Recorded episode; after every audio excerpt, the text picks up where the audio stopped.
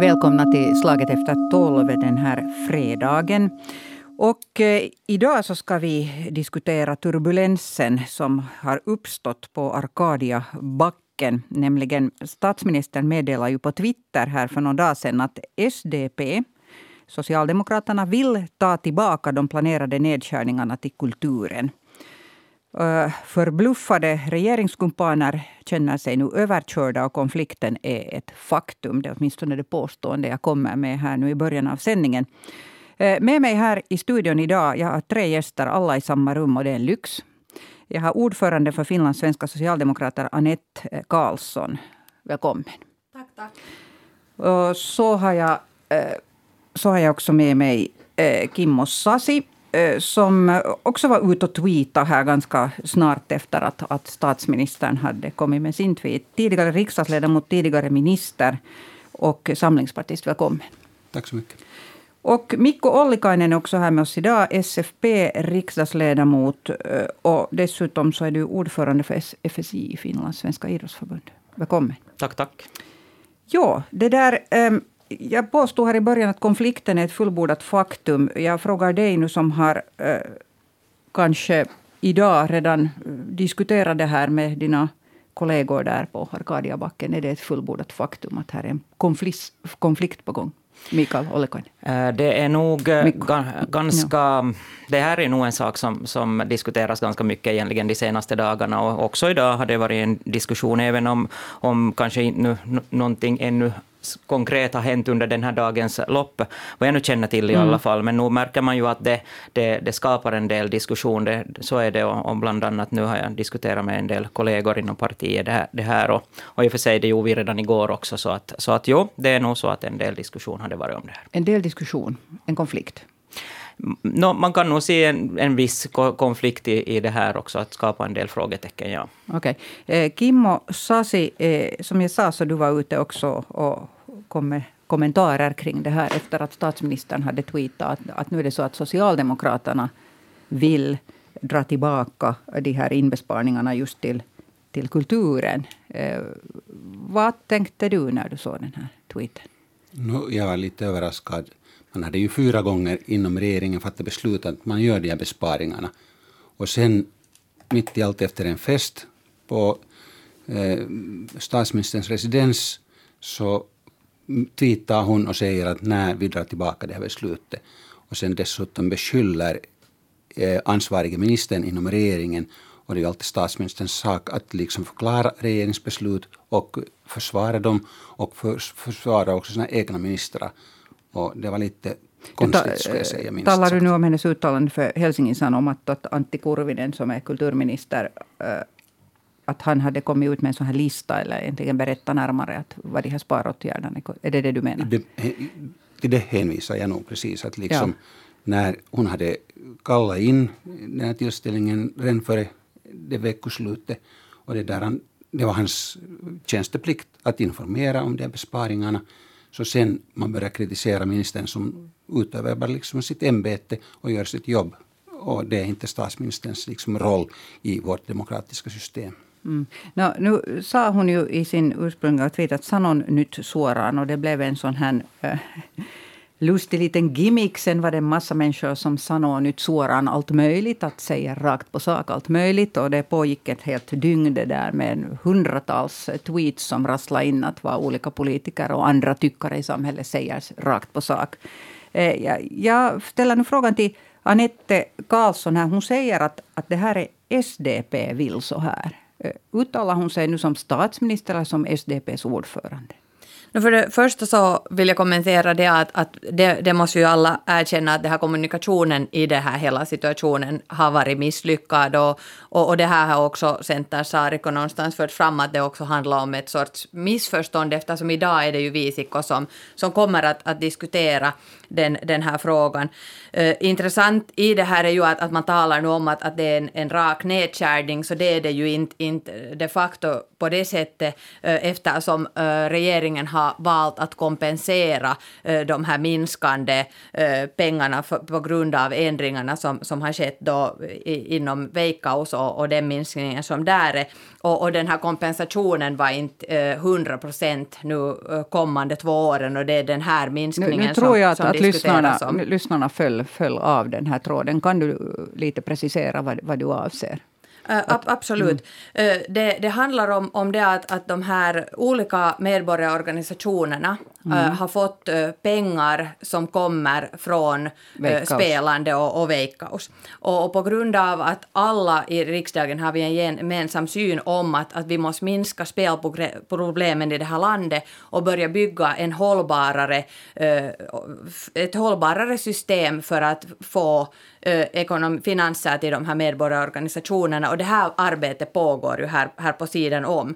Men eftersom man visste att eh, de här inkomsterna kommer att minska på grund av coronapandemin och också de här stramningarna som man har gjort i, i spelverksamheten, så har pengarna minskat eh, på Veikkaus sida som man kan ge ut till de här medborgarorganisationerna.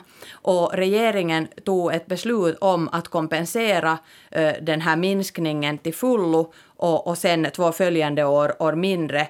Och, och, partierna, vi alla kommer ihåg att, att då i ramrian så var det ganska strama stämningar och det var viktigt att man kom fram till en kompromiss. För partierna har ju alltid olika prioriteringar, men för SDP var det då och det har varit hela tiden viktigt att kunna säkra medborgarsamhällets framtid. Men, och, och det är den här diskussionen som påbörjades redan i början av veckan, men sen kom det här olyckliga kommunikationsmissen och idag sitter ju vi och diskuterar om den här saken.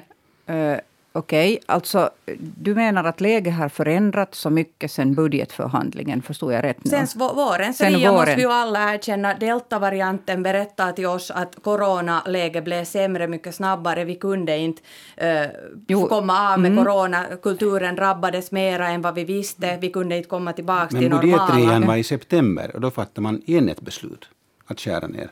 Jo, men vi vet fortfarande att uh, de här frågorna har varit på tapeten hela tiden med den här arbetsgruppen som vi också måste ha arbetsro åt att få göra det. Men, men, men du, jag förstår inte, hur kan ni ha så olika uppfattning om det att, att äh, statsministern säger att, att förhandlingar ännu pågick, att det var inte klart, därför skulle inte äh, minister Antti Kurvinen ha fått, fått ge ut den här listan. Och så säger andra att det var visst klart att så här skulle det sparas. Hur kan ni ha mm. så olika uppfattning? Jag, jag har inte personligen ja. varit med i den där diskussionen, men, mm. men jag har nog uppfattat så att den här processen har varit igång hela tiden eftersom vi har den här arbetsgruppen som ska hitta lösningar, mm. hur den här hela stora bilden ska lösas. Och sen kom här en sån här liksom kommunikationsmiss som vi måste klart säga och, och det har också Centern fört fram att här har varit någon slags missförstånd i luften mm. och det här måste ju diskuteras och, och hittas lösningar både för spelreglerna men också för det här och, okay, problematiken. Nu vill både Mikko Ollikainen och Kimmo Sasi kommentera det här. Vi börjar med, med Kimmo Sasi här. Din kommentar och sen Mikko Alltså vi vet ju ja. att den här gruppen samlades och de kom överens om den lista som Kurvinen presenterade mm. till allmänheten och kulturmänniskorna. Partierna hade kommit överens. Och alla vet att Vänsterförbundet har lite kritiserat. Man gjorde en förändring på deras begäran. Och det var nog ingenting. Och regeringen, vad jag förstår, att Marin hade sagt att i riksdagen kan man kanske sen diskutera den här frågan senare under hösten. Men inte fanns det några regeringsbeslut att liksom ändra det beslutet som man hade just fattat två, tre veckor före. Det fanns ju behov, därför var ju den där diskussionen igång. Men nu fick ju den där diskussionen sen lite underliga betoningar med den här offentliga biten. Här är mycket underliga saker egentligen. För någon som följer med det här trillar ju helt av kälken. För här gäller ju, det här är nu uttryckligen kulturen och då talar man om deras andel att 18 miljoner.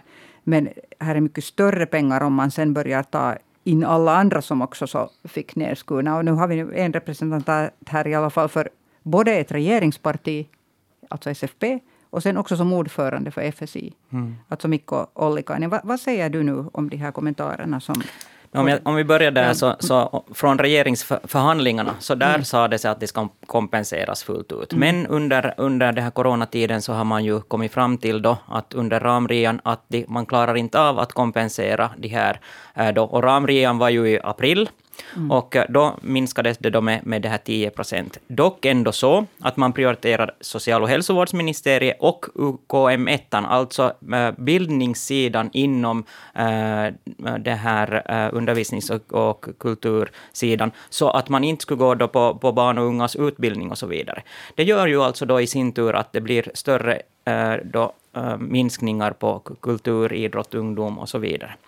Och, och här, den här linjen har, har då varit, och det har också varit i, i eh, nu, som jag uppfattade så har det varit i, i hela, hela vägen ända fram till det här och att partierna har tagit del av de, de här listorna nog här och, och känt till processerna. Så det här är min uppfattning kring det. Och om sedan kvintetten äh, har kommit överens den här veckan någonting, så det, jag sitter inte i kvintetten så jag kan säga exakt, men, men jag, det vet jag att man har möte idag. Men då, om vi tar den här idrottssidan, så där går man ju äh, nog inte, som, jag vet, som vi förstår det idag, måste jag säga det så, eh, så, så kommer det inte att, att gå så mycket på verksamheten, in besparingar, utan det är byggande av idrottsplatsanläggningar som man nu kanske som minskar av då, så det är på 2009-2010 års nivå. Och klart, det borde finnas mera pengar till det. Och klart, det, det, det är på ett sätt bra att man för den här diskussionen och igen med kultur och det här klart man är nöjda med det, men det ska tas någonstans, de där pengarna ifrån också.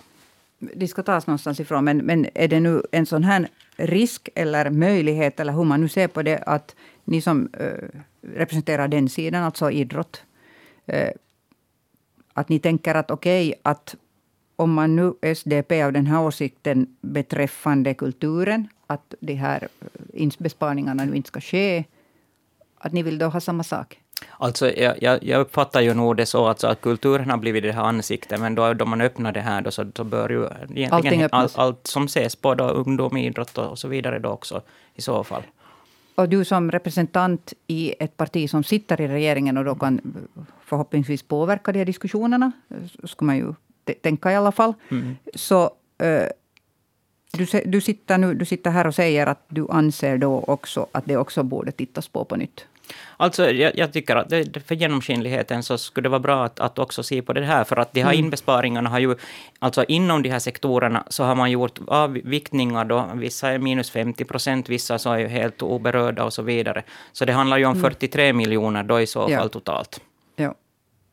Okay, och åtminstone borde man ta upp det på bordet, alltså för jämlikhetens skull. för vi vet ju också att idrott och ungdomsrörelsens förebyggande verksamhet är otroligt viktig, eh, speciellt i den här corona-eftervården. Ja, du sa här tidigare att, att STM, nu var det en massa förkortningar, och UKM, det alltså mm. social och hälsovårdsministeriet prioriterades, Exakt. och UKM är urheilu och kultur, alltså äh, äh, nej, utan undervisnings och, undervisning och kulturministeriet prioriterades. Mm. Och, och, det, där, det här har jag nu hört, för jag har ringt olika riksdagsledamöter om det har sagt att, att det var inte ett snack om att ta någonting av, av, av det där Kiurus butik, det vill säga STM. Det var, ja, alltså Det här, den uppfattningen har jag också eftersom, eftersom det handlar om coronatiden, alltså att man, man ville satsa på det. Och samma sak med utbildningssidan. Okej. Okay. Handlar det här om, om någon sorts sån här markeringspolitik? Alla kissar i, i hörnerna och, och markerar så där som hundar sina revir. Vad det gäller ministerierna så det är ja. klart att ministrarna de försvarar liksom sina pengar. Mm. Men sen när man kommer överens så man borde ju liksom ändå försvara det beslutet som man fattar inom regeringen. Och i det stora hela kan man väl säga att, att regeringen blev tvungen att göra vissa besparingar på grund av mm. beslut om veikkaus. Och det där regeringslinjen har varit att man inte vill ha en minsta besparing. Och det där, nu testas detta. Och egentligen den stora frågan idag kommer att vara att okej, okay, om kulturen och idrotten får sina pengar så tar man de pengarna någon, någon annanstans ifrån. Mm. Eller är det bara på, vis, på det viset att liksom man ökar skulden med motsvarande belopp. Och det där, problemet för regeringen är att om man tar de pengarna någonstans ifrån så sen blir det en besparing på ett annat håll. Men det är nog ganska ansvarslös politik om man nu sen säger att okej, okay, om man nu kritiserar någonting så man kan spendera lite mer pengar och sen det är följande generation som betalar notan. Anette Karlsson bad om ord. Ja, jag, jag tänker nog så att, att här när du säger till exempel att, att följande generationen betalar notan så de här verksamheterna som medborgarorganisationerna kör och, och har att göras med så, så tänker jag att speciellt i den här coronatiden som har varit speciellt svår för, för många så den verksamheten är också jätteviktig för att vårt samhälle ska komma tillbaka på fötterna och må bra bättre. Så där tänker jag att, att det är nog jättebra att man diskuterar de här frågorna och inte låter det gå eftersom vi vet att den här coronapandemin har drabbat på ett mycket värre sätt än vad man då på våren till exempel hade kunnat tänka och, och, och se. Men, men det som jag tycker att är intressant från Samlingspartiet, ni säger att, att, att det är nu dåligt att man diskuterar om de här nedskärningarna, men också, ni tycker att, att investeringar också är dåligt, så skulle ni göra de här nedskärningarna? Eller eh, vilka nedskärningar skulle, skulle ni göra om ni skulle sitta i, i regeringen? För när investeringar och nedskärningar tycks vara ett problem åt er, så jag undrar. Nu alltså, det här är inte bra nedskärningar som man nu föreslår att vi skulle rikta nedskärningarna på ett annat sätt, men inte har jag någon lista här. Men det var nu i den här sociala medien förslag till exempel att vad det gäller trafikmärken så när de blir nu könsneutrala så det där det kostar några tiotals miljoner. Att det finns nu sparobjekt i budgeten. Det, det, är ju en, förstås, det är klart det är en relativt liten summa i den här stora helheten. Men jag, jag förstår. Men, det jag vill där, bara ge ett exempel. Ja, det här är en, en åsikt som har förekommit flitigt på sociala medier. Så älskar man att ta upp de här trafikmärkena. Men, men, men det där, eh, för en utomstående, någon som inte eh, jobbar inom politiken eller inte politiskt aktiv, så förefaller det här som eh, ett jäkla yrande. Riktigt ärligt talat. Alltså någon säger att det är bara en miss i kommunikationen och, och, och så liksom gör man en, någon sorts som vi vanliga folk här har uppfattat som någon sorts budget. Och så river man upp det. Tidigare var det en hurriga diskussion här om polisens pengar också. Och det också ändrades. Att det är så att man bestämmer något och sen om alla, någon grupp skriker tillräckligt hårt så nu spetsar jag till det lite, så, mm. så bara river man upp och ändrar alltihop. Att, Mikko Ollikainen bara först om ordet och sen Kimmo Sasi. Jo, jo nej, men det, det, är ju så. Alltså att om vi ska ha en ansvarsfull politik så, så, måste vi kunna hålla fast vid våra beslut. Jo, man kan ompröva allting, men det ska inte vara så att, att den som ropar högst så, så det, det att vi, vi, ibland så hamnar man, tar fram den där röda pennan. Jag vet det från erfarenhet, jag har varit kommundirektör tidigt, tidigare. Inte det är ju trevligt, men i, ibland så tvingas man ta fram den. Och då man har gjort fattade beslut så, så måste man inse att, att det är inte bara plussa på, ibland så är det också att ha den röda pennan. Och, och det handlar om, om trovärdigheten för, för helheten. Det här innebär inte alltså att, att, att man, man, man ska vara mot någonting specifikt, men det handlar om värdering och vikt, viktning av olika, olika saker. Mm. Alltså jag tror att det här är en lite längre tidsförändring. Att tidigare hade man politik i politiken, nu är det bara på det viset att om man är politiker så man vill ha en tjänst och lön och ha det bra. Och frukost. Och det där, om vi tittar nu på SKAH eller Paavo Lipponen, så SKAH försvarar EU-medlemskap inom Centerpartiet. Och det var svårt för honom.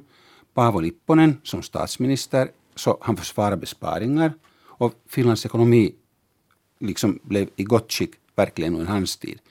Men sen efter det vi ser redan att under Katainens och Stubbs regering så hade vi lite likadana problem. Man ändrar beslut hela tiden.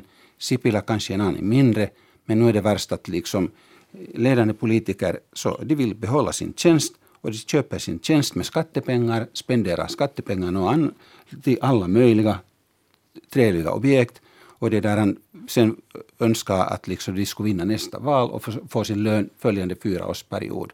Och det där, jag säger bara att det här slutar illa. Du, du Kimmo Sasi här gav en släng åt ditt eget parti. Och det som har lyfts fram här på sistone så det är just Stubbs eh, sluttiden av Stubbs regering där det också slutar så att eh, de som satt i regeringen börjar rösta mot sina, alltså regeringens egna mm. förslag. Eh, en av dem som jag talade med i riksdagen igår så kallade dig för den sista mohikanen. Eh, du var den som envist fortsatte, trots, trots vad andra gjorde, envist fortsatte att rösta för, för, för regeringens förslag eh, då. Och, och, det där, eh, sen blev du ju inte omvald heller med någons telefon som ringer här, men att, att det där ehm, Hur svårt var det, om jag frågar medan du samtidigt stänger av tydligen din telefon här? Det är svårt med multitasking, jag vet. Men om jag tar, det, om jag tar här nu medan vi har med, med just det här med multitasking, så är det Ja, kanske ja. just det alltså att vi lever i ett så snabbt samhälle med Twitter-läckage Ja. och så vidare, alltså just den här politik i politiken, alltså att, att, att, det, att man bör som, tagga ner och ha arbetsro på att tänka igenom saker och ting. Det Mm. uppfattar jag nu som ny riksdagsledamot, att det är ständigt bråttom alltså. Så nu kan, Okej, ja. Eh, Både Ane- Anette bad också om ordet, men om vi tar Anette här emellan om du vill komma på en. Ja, alltså, jag, jag skulle vilja Replik. fortsätta här, för, för jag, jag tycker att, att det här är en, en jätteviktig diskussion, för det är frågan om en sorts talkultur som, som har ändrat i politiken, och det har man diskuterat i riksdagen på senaste tiden ganska mycket om, att en viss sorts sån här respektfull eh, diskussion som hålls på saklig nivå, så, så tycker jag att, att har försvunnit ganska långt bort från, från det vad det har tidigare varit. Och, och här är säkert någonting för oss alla att fundera på, att, att vad är orsaken till att, att kulturen har blivit sån att underliga saker får, får stora betoningar och, och, och de får på personligheter på, på människor som är med i politiken. Och, och jag, jag tycker att, att det är nog lite att nedvärdera det arbetsmängden som våra riksdagsledamöter och beslutsfattare runt i landet gör, att säga att de gör allt eh, för att eh, få sitt mandat förnyat. Jag kan inte eh, underteckna en, en sån kommentar när jag, jag ser hur mycket människor brinner för att bygga ett bättre samhälle. Och en stor del av våra riksdagsledamöter och andra beslutsfattare har på privata sektorn nog bättre möjligheter med bättre löner att kunna göra ett arbete som är mindre stressfullt. Så, så det, det här är ett av problemen, att, att vi nedvärderar det här arbetet, vi har en orespektfull diskussionskultur och, och jag tycker att det är farligt för demokratin och det, det är farligt för vår framtid. Kimmo Sasi. Alltså, jag är av samma åsikt. Alltså, vi har väldigt lite substansdiskussion i politiken i dagens läge. Och, och det, där, det är ytliga frågor man tar fram och utseendet och allt möjligt. Och det där han försöker klara sig på det sättet. Men faktiskt den riktiga debatten saknas. Och delvis kan det vara på det viset att liksom folk inte orkar följa en substansdiskussion.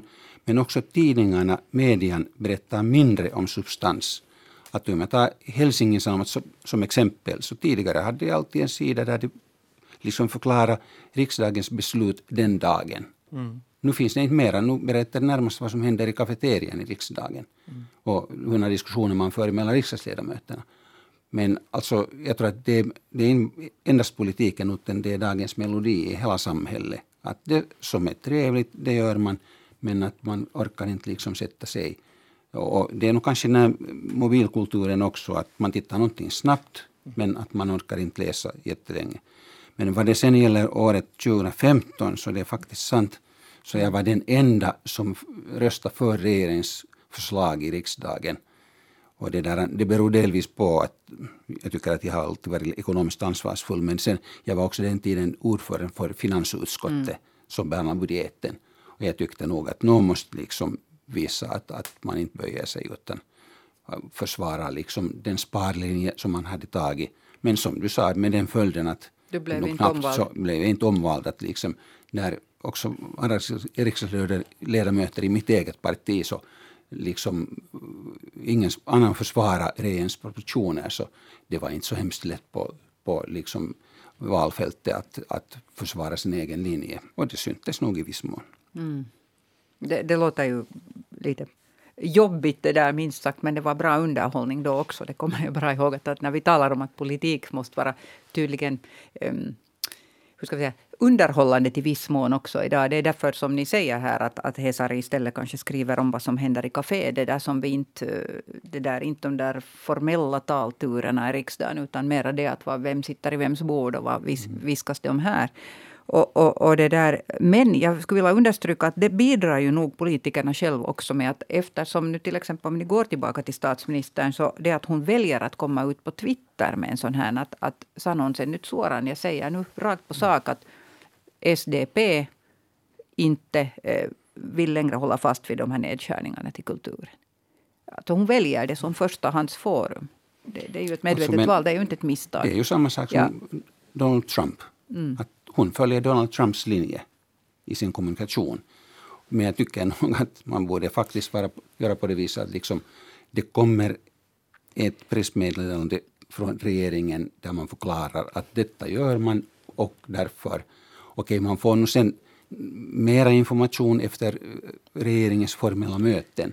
Men när man nu sen börjar göra faktiskt på det vis som statsministern gör, att hon säger att så här gör man och utan att diskutera med andra och det är på Twitter, så det är inte ett sätt som, som regeringen borde arbeta. Men det, det, är ju klart ja. att regeringen arbetar ju inte, inte via Twitter och jag måste säga att, att, att det känns nog ganska underligt att, att man kan jämföra Sanna Marin med, med, med Donald Trump eftersom men, men kanske det känns på något sätt hotfullt med en, med en populär kvinnlig statsminister. Det, populist. Det, populist.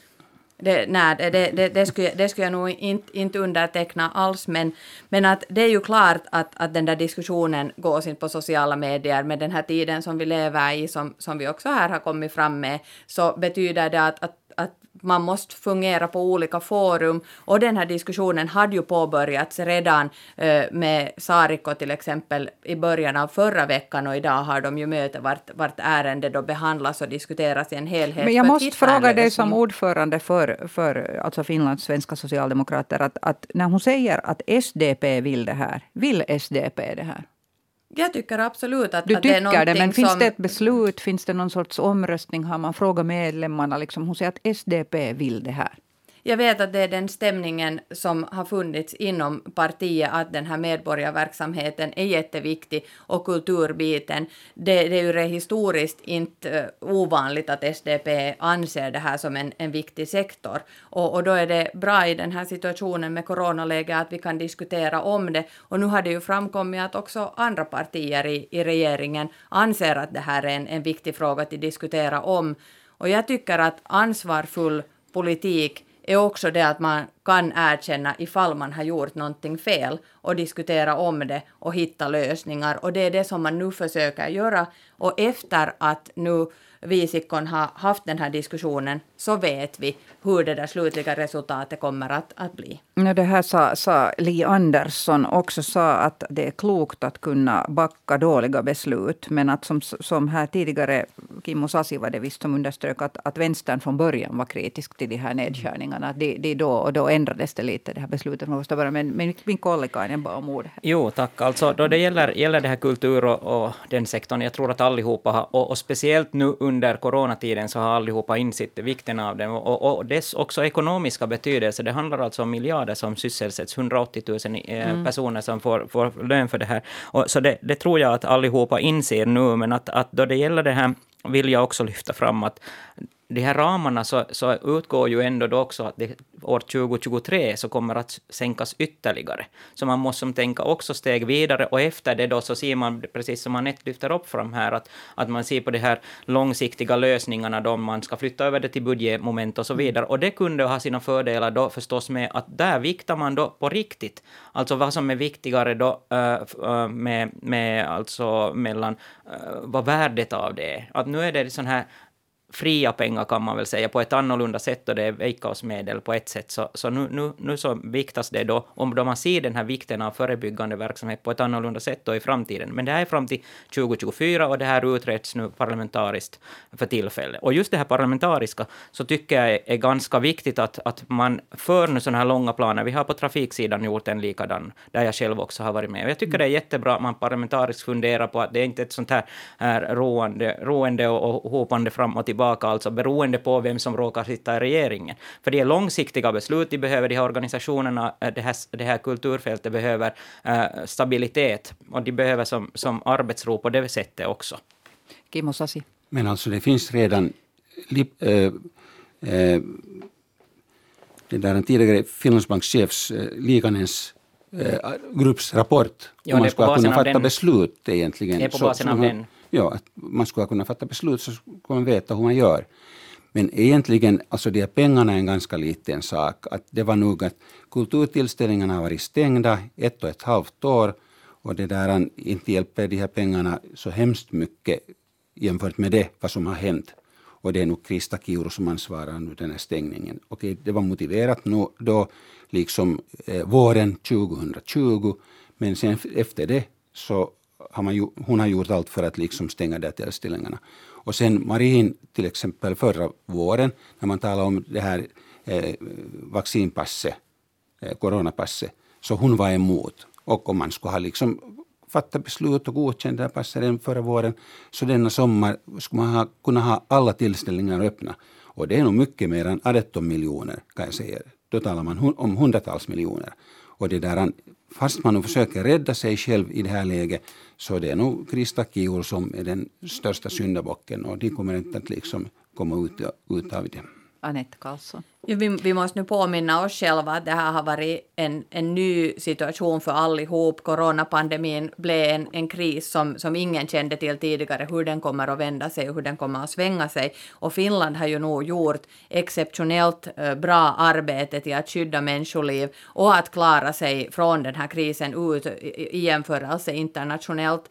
Och, och där, där tycker jag att, att det är inte sakligt att kritisera på ett sånt sätt, för jag kan inte tänka mig att ni skulle i regeringen ha, ha gjort det bättre, eftersom vi har gjort Mycket lysande bättre. resultat internationellt. Såklart är det ju bara för alla att gissa hur det skulle ha blivit, men att det måste vi alla säga att, att den här pandemin har drabbat alla och, och vi måste tillsammans komma ut från den och det att man har kunnat göra det så här bra som Finland har gjort så tycker jag att, att det är en, en bra sak. Sen vad det mm. kommer, kommer till, till de här veckosmedlen och den här likanens rapport, så där var ju olika alternativ på hur vi kan lösa den här situationen. Och en av de där alternativen var att man förbereder en reform ordentligt så att den kan komma i kraft 2024, vilket nog är den naturliga vägen till gå. För att vi talar ändå om en jättestor och viktig sektor, hela medborgarorganisationsfältet, som jag anser som en av grunderna för Finlands välfärd, välfärdsstat och, och den demokratin som vi, vi lever i. Eh, så vi måste ju hitta ett sådant system som är hållbart och garanterar att eh, olika politiska svängningar som också här har kommit fram, att, att finns i vårt samhälle så kan ju inte påverka den här stora sektorn och allt det arbete som man gör med, med närvårdare, med, inom barnskyddet, äh, hjälper äldre personer som, som behöver stöd och hjälp och, och allt annat, barnens mm. musikklubbar och, och hobbyverksamhet på fotbollsplanen. Ja, men när, vi, när vi tittar på hur det här ser ut, politik handlar väldigt mycket om att hur saker och ting ser ut. Så nu har det efterlyst till exempel ett, ett tydligt ledarskap. Eh, jag, om jag inte helt missminner mig så var bland annat Kimmo Sasi och efterlyste det också någonstans. Så det, du är inte den enda, men att, att det finns många som har sagt att, att nu, blir, nu svajar ledarskapet. Apropå de där coronapassen så vet jag att, att det är klart att vara efterklok kan man alltid vara. Men jag var själv i Danmark här i början av sommaren tidigt och allting var öppet bara man visade att man hade fått två vaccineringar eller, eller hade ett negativt intyg. Att det, det, det, vet jag ju att den här kritiken kommer av många nu att det kommer för sent. Men, men jag ska inte ta ställning i den frågan. Men, men det där, eh, om vi håller oss till det här hur någonting ser ut. Och nu, nu skulle jag vilja vända mig till Mikko Ollikainen. Vad säger fältet till er om den här yrseln? Ni måste ju ha hört av era väljare.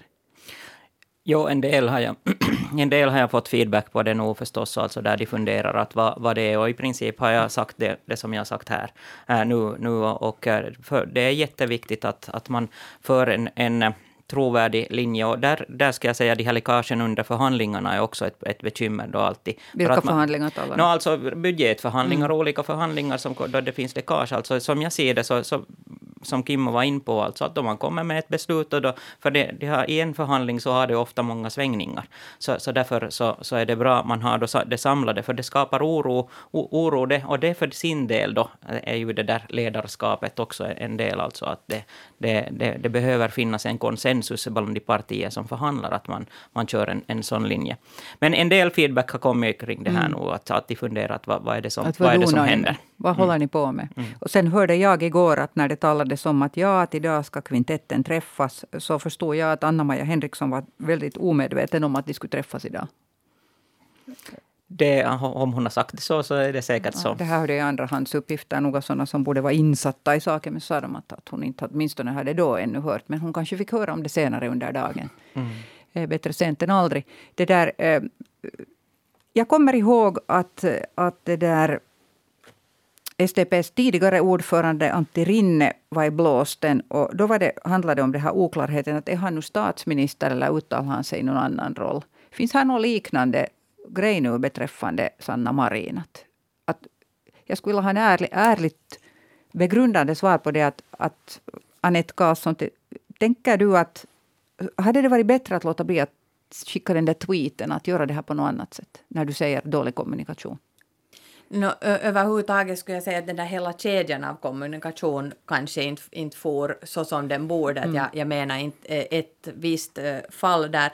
Men att nu, nu är det ju alltid en fråga när man har två hattar att, att statsministern fungerar på ett sätt men samtidigt om man är parti, partiordförande det som jag tycker att i den här tweeten var ju bra att hon förde klart och tydligt fram att det var SDPs åsikt som hon som partiets ordförande förde fram och som hon kommer att diskutera som statsminister med sina regeringskollegor. Mm. Och, och så ska det ju gå, att om man uttalar sig i offentligheten så är det också bra att, att precisera vad man menar och, och det gjorde hon ju klart och tydligt. Och den där processen och diskussionen var ju igång men sen hände det alla möjliga underligheter som också Sariko hade i något sammanhang kallat till att det var någon slags missförstånd och kommunikationsbrist. Och, och det är olyckligt att, att så mm. har hänt, men, men så har nu hänt och, och nu diskuterar de och, och så får vi ett svar.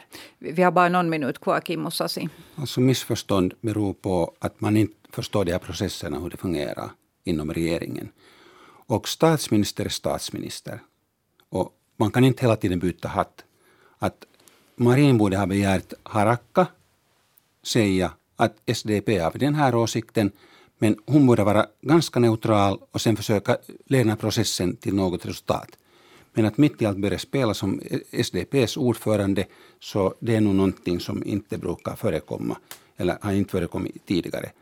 Och sen, eh, alltså Marin har varit jättepopulär och det där inte leder detta till hennes avgång, det är alldeles klart. Men att liksom att man litar på henne, tilliten kommer att minska. Och jag måste säga att inom regeringen, Lipponen, jag var minister i hans regering och han respekteras av alla och när ministrar kom som avvek från tidigare beslut så kastade han dem ut eller liksom sa att vi har fattat beslut, vi följer det här beslutet och det där, om man följer den linjen så regeringen kan inte arbeta effektivt. Det var nog en, och, en och annan som kom gråtande ut, han var känd för det också, att det var en och annan minister som kom gråtande ut från hans rum. No, det är nog sant att de var nog hårdhänta. Det var management by Perkele på den tiden. Tiderna ändrar och åren ändrar och, och då måste diskussionskulturen ju också ändra. Tack för den här diskussionen. Det var fredag idag och då, var det avslutade, då avslutar den här diskussionen veckans debatter. Vi möts igen på måndag, normal tid klockan tre minuter över tolv. Mitt namn är Bettina Sågbom. Jag tackar Kimmo Sasi, Mikko Ollikainen och Anette Karlsson för diskussionen här idag. Ha ett skönt veckoslut. Bettina. Mm. Tack detsamma.